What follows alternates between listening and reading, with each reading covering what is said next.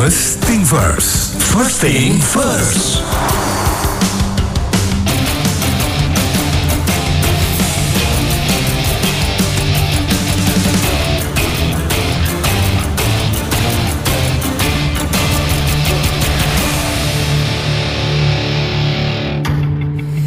Satu hari pemilik perusahaan Mercedes-Benz memiliki masalah dengan keran air di kamar mandi di rumahnya. Big Boss Mercedes-Benz itu uh, khawatir kebocoran keran itu akan mencelakai keselamatan anaknya sehingga atas rekomendasi temannya dia menelpon tukang ledeng. Halo Pak, keran air saya rusak. Bisakah Anda membantu kami sekarang? Hah, si tukang ledeng itu tidak mengetahui kalau yang menelponnya adalah orang penting, pemilik perusahaan mobil terbesar di Jerman. Lalu dia pun menjawab, "Waduh, mohon maaf Pak, yang sebesar-besarnya. Saya ini saat ini sedang menyelesaikan banyak pekerjaan keran air yang bocor juga. Gimana Pak kalau dua hari lagi?" Akhirnya disepakatilah untuk melakukan perbaikan keran air dua hari kemudian. Sehari kemudian si tukang ledang menghubungi Mr. Benz untuk uh, menyampaikan ucapan terima kasih karena telah bersedia menunggu hingga satu hari lagi. Nah, Mr. Benz pun kagum atas pelayanan si tukang ledang dan cara dia berbicara. Nah, hari berikutnya pada hari yang telah ditentukan si tukang ledang datang untuk memperbaiki keran yang bocor di rumah Mr. Benz.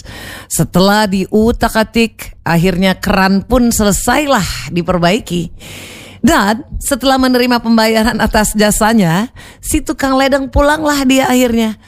Kemudian setelah dua minggu, si tukang ledeng menelpon kembali.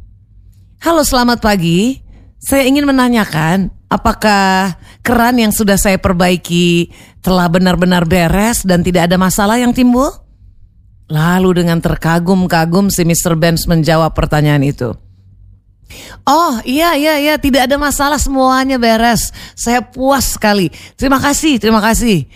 Setelah meletakkan telepon, Mr. Benz berpikir sambil uh, dia menggumam dalam hati. Ah orang ini Walaupun dia hanya tukang ledeng ya. Wow, dia tapi hebat sekali. Maka beberapa bulan kemudian Mr. Benz merekrut si tukang ledeng untuk bekerja di perusahaannya. Uh, dan tahukah Anda Mitra Idola siapa nama tukang ledeng tersebut? Dia adalah Christopher L. Jr., General Manager Customer Satisfaction and Public Relations di Mercedes Benz. Wow. Luar biasa. Seseorang yang ternyata kemudian jadi orang besar. Itu kisah ya menginspirasi kita mitra idola Iya. untuk selalu apa memberikan yang terbaik pada siapa pun Iya. apa pun profesi kita saat ini. Betul sekali. Jadi kalau kita sanggup memberikan karya terbaik kita, itulah sukses sebetulnya dari diri kita. Iya, itu sekaligus mengajarkan kepada kita ketika kita punya kebiasaan sanggup menyelesaikan perkara atau pekerjaan kecil, kita nggak akan mengalami masalah dalam mengerjakan pekerjaan yang besar. Hmm, ya.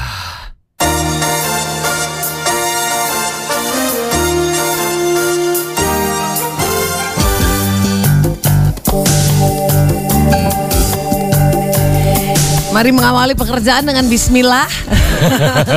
Awal yang bagus. Apa pun pekerjaannya ya, besar kecil jangan dianggap lah. Ya Bismillah, kita bersama lagi kita buka acara kita ini Mitra Idola. Good to great because good is the enemy of great. That's right. Anda bersama kami, saya Nadia Arduinata. Doni Asyar.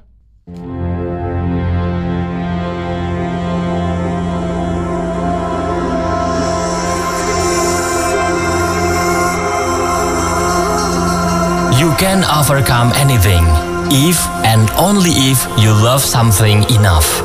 Lionel Messi.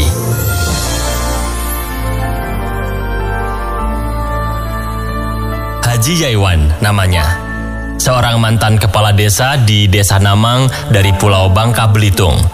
Meski rumahnya sangat sederhana, bahkan tagihan motornya belum lunas, dia mampu menolak uang miliaran yang disodorkan kepadanya dari para pengusaha timah. Berat ujian darimu. Ku pasrahkan semua padamu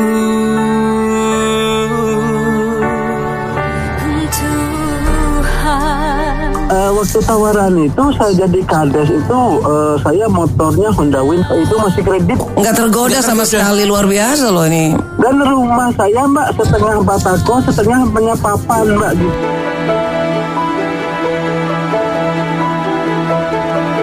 Dengan segala cemoohan yang diterimanya, bahkan dari warganya sendiri, semua tidak membuatnya gentar. Dia malah semakin termotivasi untuk melestarikan hutan Pelawan dan menjadikannya sebagai hutan objek wisata. Sebenarnya sih waktu itu saya dikatakan stres, dikatakan gila, katanya.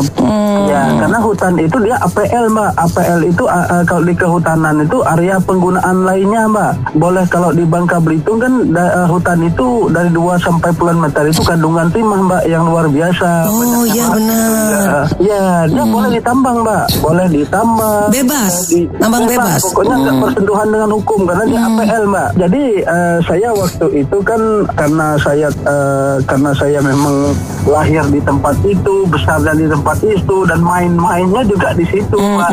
Aku pikir gini, bolehlah tempat-tempat lain di tambang timah nggak masalah karena memang timah juga anugerah bagi Bangka Belitung. Hmm. Nah, cuman harus ada sih yang harus kita tinggal gitu. Eh, memang eh, sayang karena tempat itu tempat saya nostalgia bermain.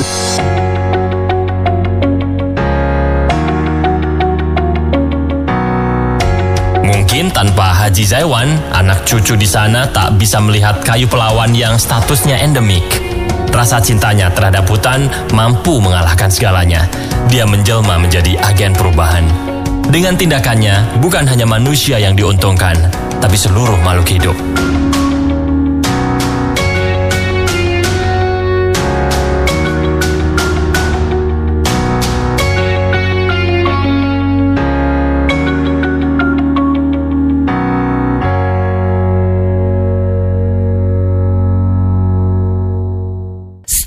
Stupid is knowing the truth, seeing the truth, but still believing the lies. Oh, bodoh itu adalah mengetahui kebenaran, melihat kebenaran, tetapi masih mempercayai kebohongan.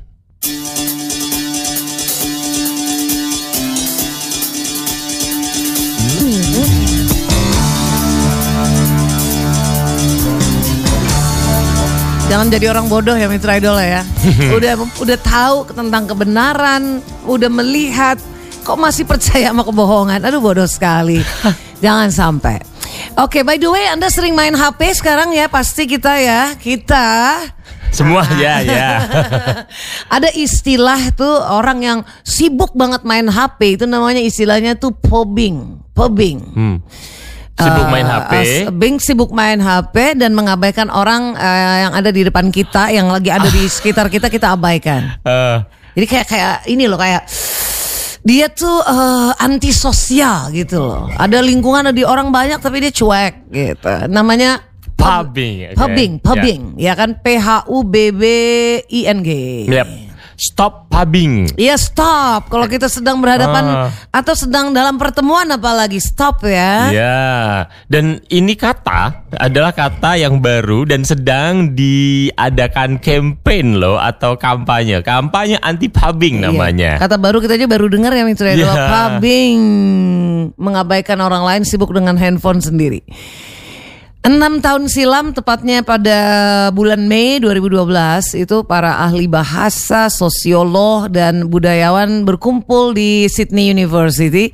Dan hasil pertemuan itu melahirkan satu kata baru dalam eh, tata bahasa Inggris. Kata itu tadi tuh, pubbing tadi yaitu sebuah tindakan eh, seseorang yang sibuk sendiri dengan gadget di tangannya sehingga dia tidak memperhatikan atau nggak perhatian lagi kepada orang yang berada di dekatnya. Wow. Pubbing. Pubbing. Nah, karena sudah menjadi fenomena yang sangat umum, dunia sampai memerlukan sebuah kata khusus Iya. untuk penyebutannya. supaya gampang supaya nggak panjang-panjang kamu kok mengabaikan aku sibuk dengan gadget aja Langsung, kamu kok pubbing Pubbing banget sih stop gitu. dong Iya.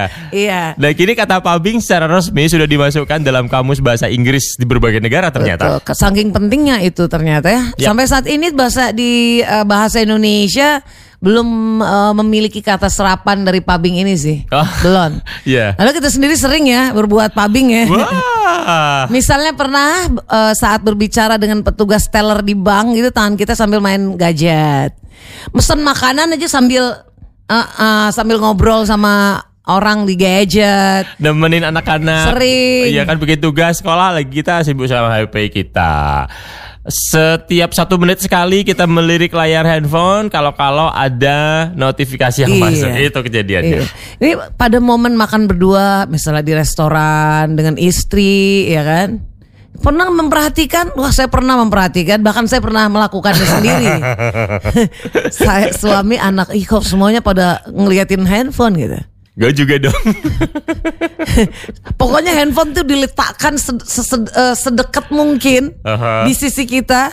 Dan dia mampu menyela obrolan apa pun ketika ada suara pesan dari medsos. Wow. Padahal lagi ngobrol loh. yes. Itu ya, kita sudah jadi puber sejati, suka melakukan pubbing.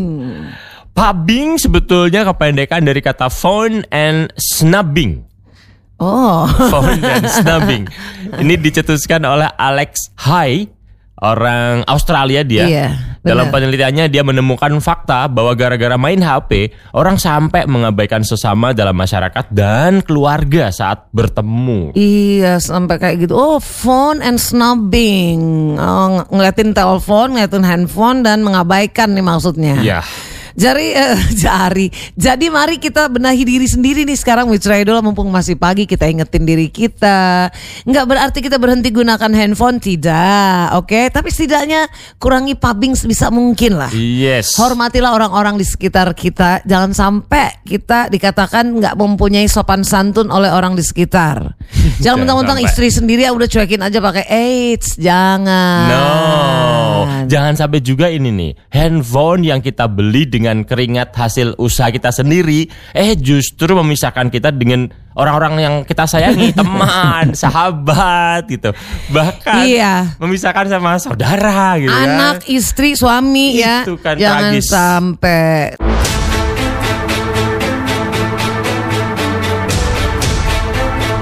To great.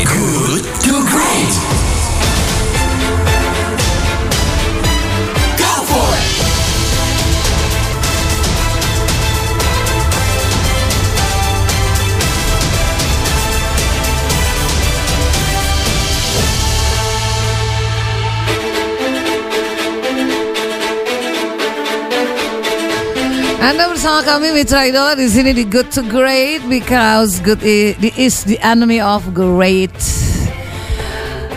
Ah, ngopi yuk. Ngopi pagi yuk. Sempet sarapan nggak nih pagi ini belum saya sarapannya. Hmm. Oke kalau ngopi ngobrol pagi kita Sempet lebih lah. bagus lah itu Ya. sarapan rohani. Yes. kita ketemu sama em, Gustafa panggilan akrabnya nama Hmm. lengkapnya M Abu Hafsin Al Muktava anggota DPRD Jateng termuda yang dilantik untuk periode 2019-2024. Dia ini ternyata putra bungsu ulama karismatik Kiai Haji Dimyati Rois. Umurnya baru 23 tahun.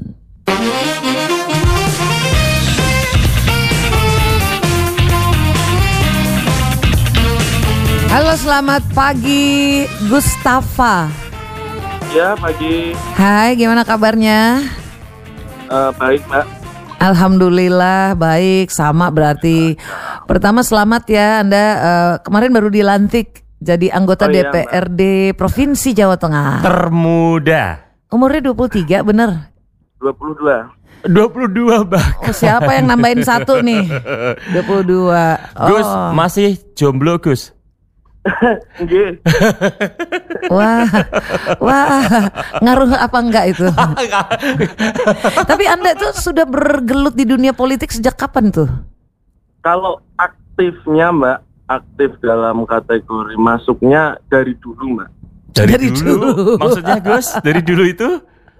Dari dulu itu sudah bersinambungan dengan politik Oh. karena faktor keluarga. Oh, inje. Berarti Oh. sejak sejak kecil gitu ya di lingkungannya udah Di begitu ya. lingkungannya sudah seperti itu. Hmm. Karena Abah ini aktivis partai gitu?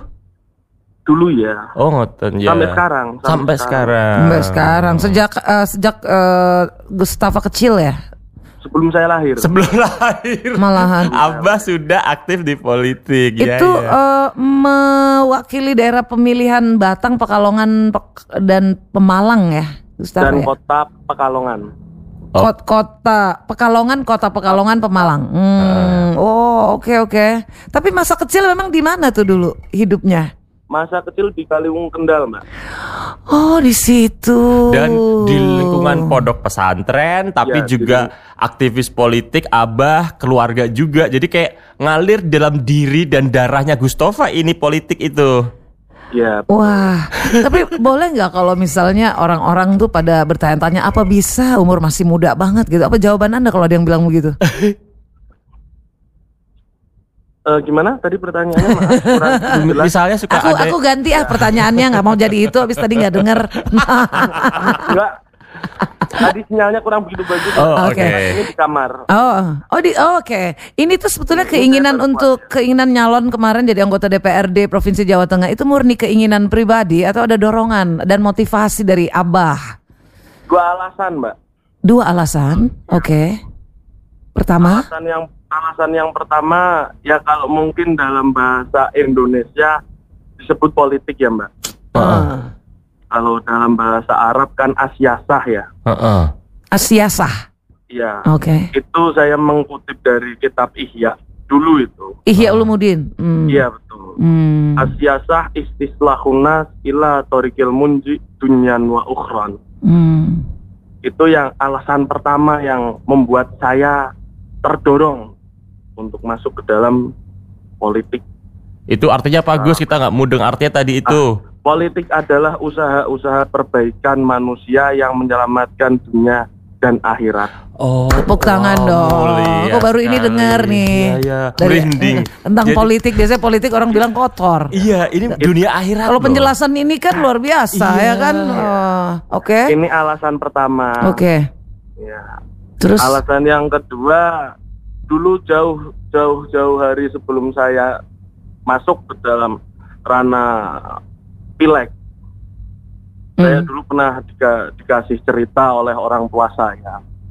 hmm, Dulu orang tua saya pernah bercerita tentang gurunya orang tua saya sendiri hmm.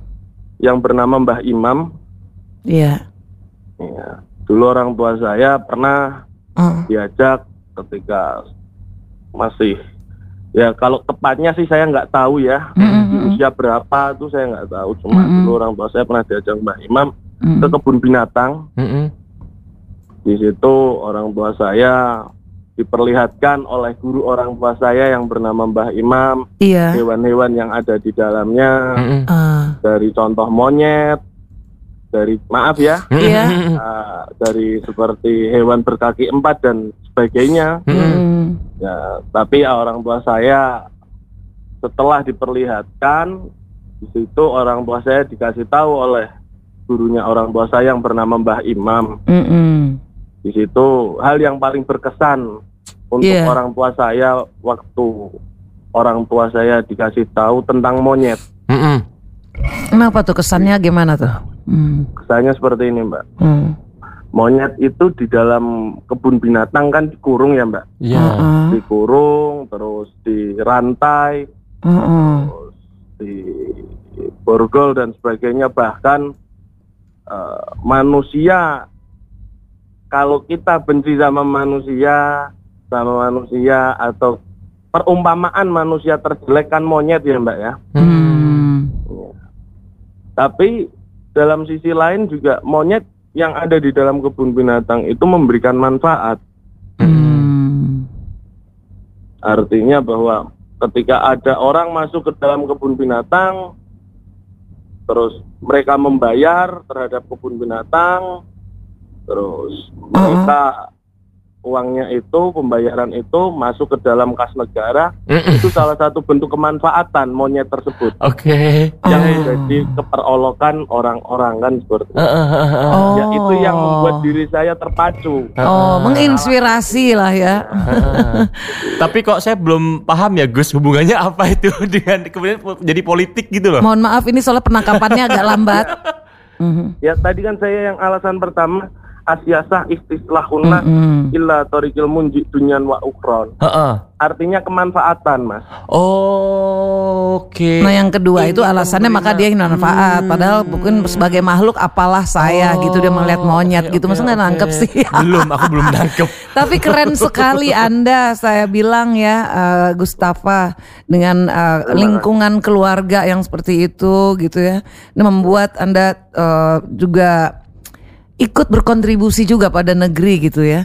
Nah, apakah ini merupakan eh, pengalaman pertama duduk di kursi parlemen ya? Betul. Iya betul. Hmm. Umur masih 22 kok ya. Mm-mm. Jadi eh, cita-cita Anda yang tertinggi itu memberi manfaat berarti ya sebagai anggota dewan ini ya. Iya betul. Dunia akhirat loh. Berarti wow. Anda di pesantren itu Anda tidak hanya belajar agama ya, berarti jadi belajar ilmu politik juga ya, Gustafa. Iya betul. Oke, siapa sosok politisi yang paling berpengaruh bagi Anda? Bagi saya, Yes. orang tua saya, Hmm. kakak saya, Oh. ketua umum saya, Hmm. Ketua umum apa? PKB. Gus Muhaimin. Gus Muhaimin Caimin, oh, oke Caimin. oke oh, oke. Iya. Oke. Baiklah, nah sekarang sebagai anggota dewan nih kan banyak harapan di Bener. pundak Anda nih warga Betul. yang mencoblos Anda memilih. Kira-kira aspirasi apa saja yang akan Anda perjuangkan Gustafa saat menjadi anggota DPRD Provinsi Jawa Tengah? Ini kan pembagian komisi belum ya. Mm-mm. Aha. Jadi kita belum bisa berbicara mengarah ke situ. Hmm. Cuma harapannya, Mm-mm. harapannya sih kita bisa ke masuk ke dalam pendidikan atau kesejahteraan tepatnya Oke. gitu. atau di dalam perekonomian. Hmm. Hmm. Itu yang ingin ya diaspirasikan di sana. Ya, Oke. Yang, yang, yang kita sudah Ah. yang kita inginkan. Oke, sesuai dengan eh, kebisaan kali ya, kualifikasi dirinya Gustafa ya, itu paling manjur di sana. Ya, mudah-mudahan tercapai ya keinginan. Amin. Eh, dan benar-benar membawa manfaat bagi Amin. orang yang berharap banyak Amin. nih Betul, sama anggota betul. dewan. Kok amin semua nih kayak doa mau Iya, iya Jumatan kan gue. baik banget ini hari Jumat pula hari baik ya Gus ya. Iya. Gustafa, kapan-kapan kita bisa ketemu langsung ya dengan Anda ya Iya, bisa kita ngobrol. harapkan lebih lebih baik bertemu secara langsung. Iya. Kan Iya. kantornya di situ Jalan Pahlawan sekarang. Oh, bener, bener, di bener, kota bener. Semarang juga. Sampai ketemu lagi Gustafa. Mohon Oke. eh, salam buat keluarga, sukses selalu. Terima Assalamualaikum kasih. Gus. Waalaikumsalam. Ya itulah mitra idola M Abu Hafsin Al Muktafa. Dia biasa dipanggil Gustafa karena dia putra dari Kiai ya. Iya Kiai Haji Dimyati Rois Kiai eh, ah, karismatik di Kaliwungu Kendal. Putra bungsunya umur Putra 22 bungsu. tahun terpilih sebagai eh, anggota DPRD Provinsi Jawa Tengah termuda yang baru saja dilantik untuk periode 2019-2024.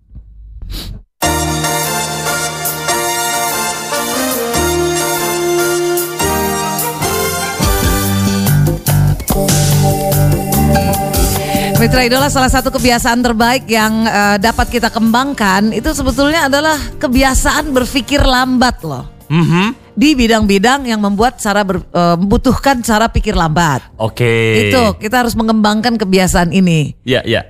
Seperti kita tahu faktor yang eh, terpenting adalah konsekuensi bukan? Hmm. Hampir semua kesalahan yang kita buat dalam hidup terjadi akibat kita kurang berhati-hati mempertimbangkan konsekuensi dari tindak-tindakan-tindakan yang kita lakukan. Makanya perlu berpikir lambat. Katanya begitu. Nah, eh, buku hubungannya tadi antara konsekuensi dan tapi ini kita akan urai lebih jauh ya. Misalnya eh, Anda eh, pernah tahu Daniel Kahneman? Dia itu nulis buku terlaris Thinking Fast and Slow. Ya. Ini buku ini adalah kontribusi besar sebetulnya bagi eh, cara berpikir yang akurat. Mhm. Sama seperti buku bagus lainnya, Straight and Crook Thinking, buku Kahneman ini mengeksplorasi dan menjelaskan banyak alasan mengapa kita membuat berbagai keputusan atau membuat berbagai kesimpulan salah. Sehingga mengakibatkan tindakan-tindakan yang gagal mencapai hasil yang kita inginkan. Oke. Buku ini jelasin soal itu. Kenapa Keren. kok kita membuat kesimpulan salah gitu. Iya. Nah, Kahneman menunjukkan bagaimana kita menerima informasi dan membuat berbagai keputusan berdasarkan informasi yang sepotong-sepotong, statistik yang selektif atau konfirmasi yang berat sebelah. Aha. Dia menunjukin tuh kita kayak begitu ternyata. Di mana kemudian kita cenderung mencari informasi yang sesuai dengan apa yang sudah kita yakini sebelumnya. That's why keputusan kita salah. Nah, kesimpulan umum dari uh, penelitian tentang cara berpikir uh, buruk atau ceroboh ini ingin sebetulnya mengingatkan pada kita pentingnya kita bersikap tenang dulu. Oke. Lihat konsekuensi. Mhm. Tenang sebelum membuat keputusan yang bisa menimbulkan konsekuensi signifikan, baik positif atau negatif dalam kehidupan atau karir kita. Tenang dulu, kira-kira Hmm. nih konsekuensinya signifikan banget dalam kehidupan aku nih. Iya, apalagi Maka yang tenanglah. dampak negatif ya kan. Kalau positif mah bagus ya kan. Eh dampak positif juga hati-hati loh. Oh, bisa juga Kan bahaya. Kalau kita ikut pemilu kan siap menang siap kalah. Oke. Menang kan kalau dibilang menang Positif. itu positif Iya, bisa iya, iya. jadi Aha. sesuatu yang harus kita pertanggungjawaban dengan amanah yang begitu besar kan. Ah, iya, Kira-kira iya, begitu lah iya. baik positif maupun negatif. Jadi sekali lagi Mitra Idola eh, soal cara berpikir lambat ternyata kita perlu mm, mengembangkannya. Kebiasaan yang perlu terus kita kembangkan. Kebiasaan terbaik berpikir lambat. Maksudnya berpikir lambat tuh jangan gursa-gursa cepet-cepet. Ya. Yes. Karena Aha. dalam hal-hal tertentu dalam hidup kita apalagi dalam perusahaan ya kadang-kadang ada hal-hal yang harus diputuskan pada saat itu juga harus cepat. Cepat, betul. Tapi ada hal-hal yang di mm, tunggu dulu gitu loh. Lihat secara komprehensif, nunggu masukan dari bidang Iya. lain misalnya seperti itu. Tenang dulu Iya. gitu. Tapi ada hal-hal yang jangan terlalu tenang-tenang nggak mutus-mutusin juga ada hal yang harus diputuskan. Harus cepat ya. saat itu juga. Nah Ya. mudah-mudahan eh, dengan eh, apa namanya pembahasan bukunya Daniel Kahneman Thinking Fast and Slow pagi ini kita jadi tahu ya bagian mana yang perlu kita gunakan cara berpikir lambat dan mari kita terus berlatih untuk berpikir lambat.